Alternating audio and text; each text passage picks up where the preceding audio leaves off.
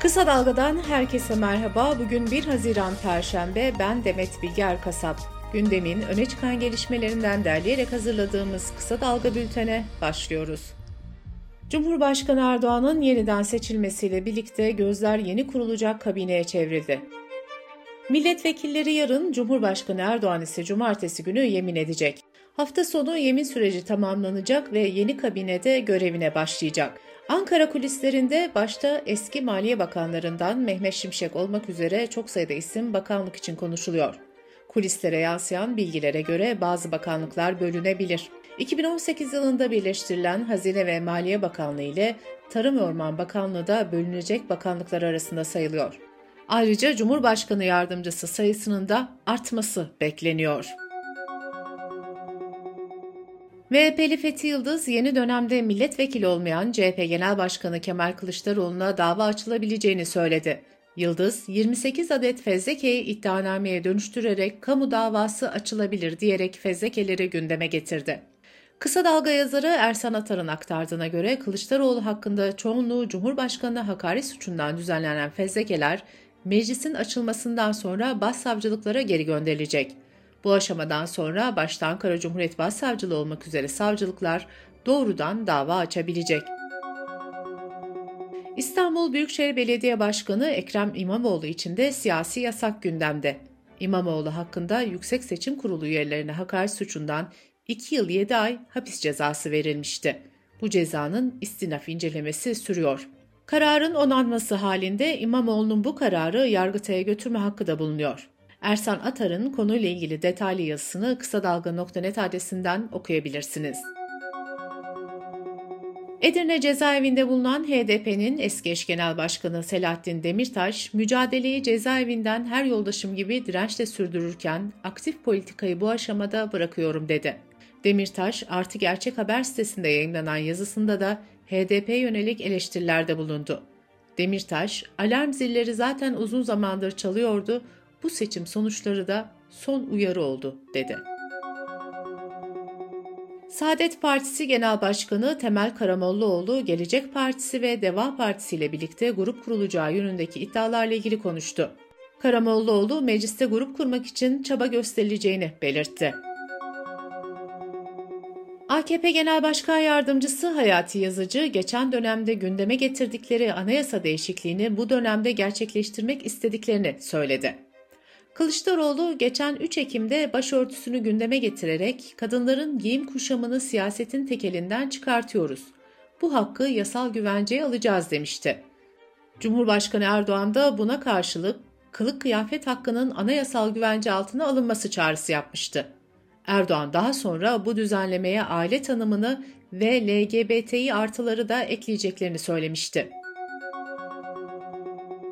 Çevre Mühendisleri Odası İstanbul Şubesi 6 Şubat depremlerinin ardından Hatay Asbest Teknik İnceleme raporunu açıkladı.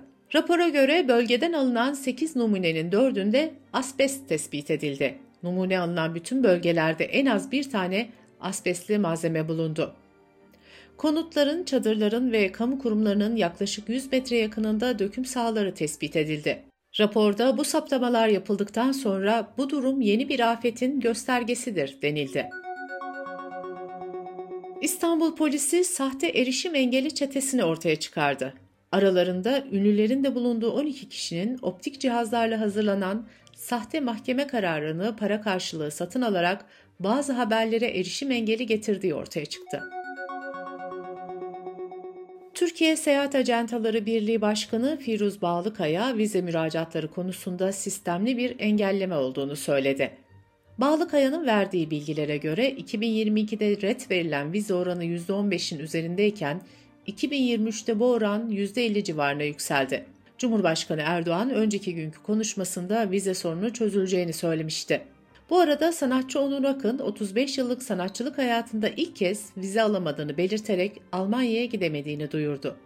Geçtiğimiz günlerde de Volkan Konak iki kez vize reddi aldığını duyurarak Almanya konserini iptal etmişti. Kısa Dalga Bülten'de sırada ekonomi haberleri var. Yurt içi piyasada seçim sonrası hareketli seanslar dün de devam etti. Dolar TL Türkiye piyasalarının kapalı olduğu saatlerde uluslararası piyasalarda 21 liraya kadar yükselerek yeni bir rekor kırdı. Dolar TL dün gün içinde 20.70'ten de işlem gördü. Geçen haftadan bu yana değer kaybı yaşayan lira, dolar karşısında son 3 işlem gününde yaklaşık %1,5 değer kaybetti. Türk lirasının son günlerde değer kaybıyla bu oran yıl içinde %10'a yükseldi. Türkiye İstatistik Kurumu Ocak-Mart dönemini kapsayan gayri safi yurt içi hasıla verilerini açıkladı. Buna göre Türkiye ekonomisi ilk çeyrekte %4 büyüdü.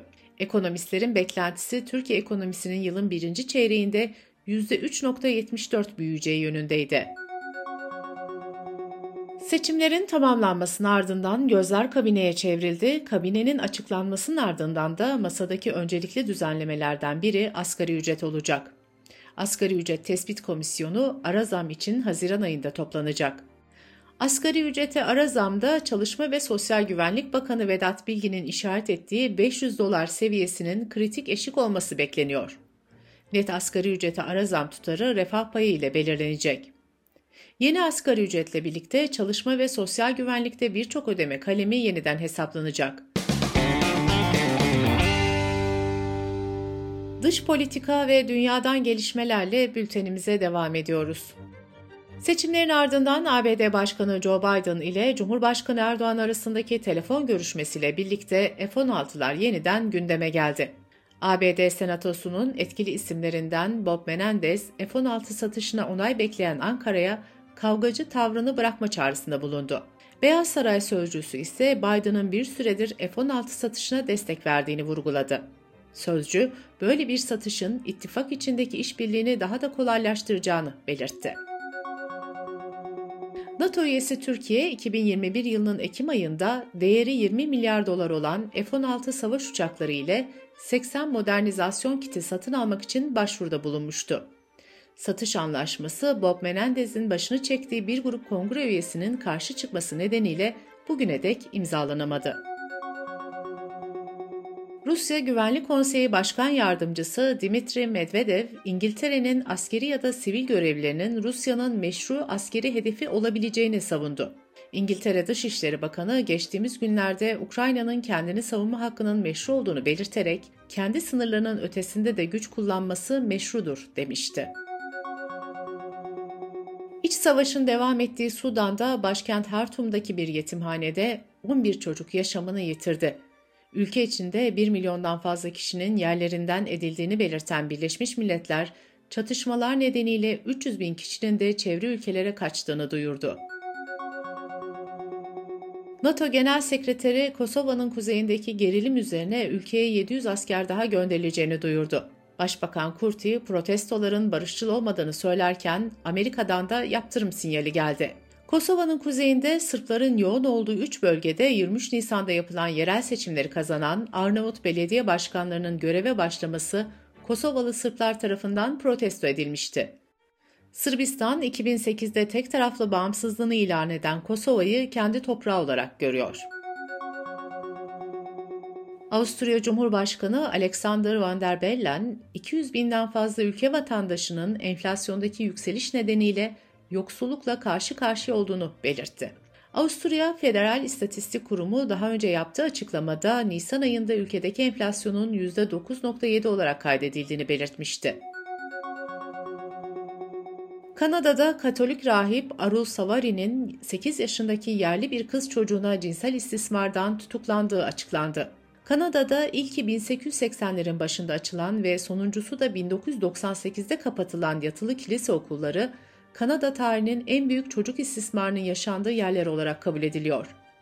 Ülkede 2010 yılında kurulan Hakikat ve Uzlaşma Komisyonu'nun kayıtlarına göre istismarların yanı sıra bazı çocuklar üzerinde tıbbi deneyler de yapıldı.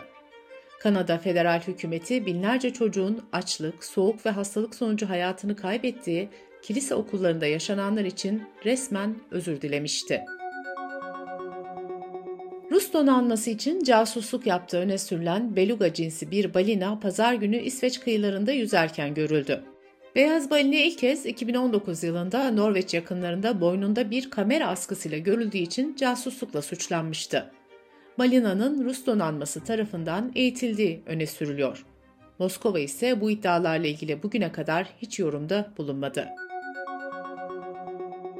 Japonya'da Ulusal Meclis, ülkedeki nükleer reaktörlerin 60 yıl sınırının ötesinde işletilmesine imkan verecek tasarıyı yasalaştırdı. Japonya hükümeti 2011'deki deprem sonrası nükleer reaktörlerin işletim ömrünü prensip gereği 40, güvenlik standartları sağlaması halinde de 60 yılla sınırlıyordu. Güney Kore'de eşcinsel evliliğin yasallaşmasının önünü açacak ilk yasa tasarısı meclise sunuldu. Asya Pasifik bölgesinde Avustralya, Yeni Zelanda ve Tayvan'da eşcinsel evlilikler hukuken tanınıyor. Bültenimizi kısa dalgadan bir öneriyle bitiriyoruz. Hitit Üniversitesi'nden Doktor Kudret Sezgin'in arkeoloji ile pozitif bilimlerin ilişkisini anlattığı podcast'ini kısa dalga.net adresimizden ve podcast platformlarından dinleyebilirsiniz. Gözünüz kulağınız bizde olsun. Kısa Dalga Medya.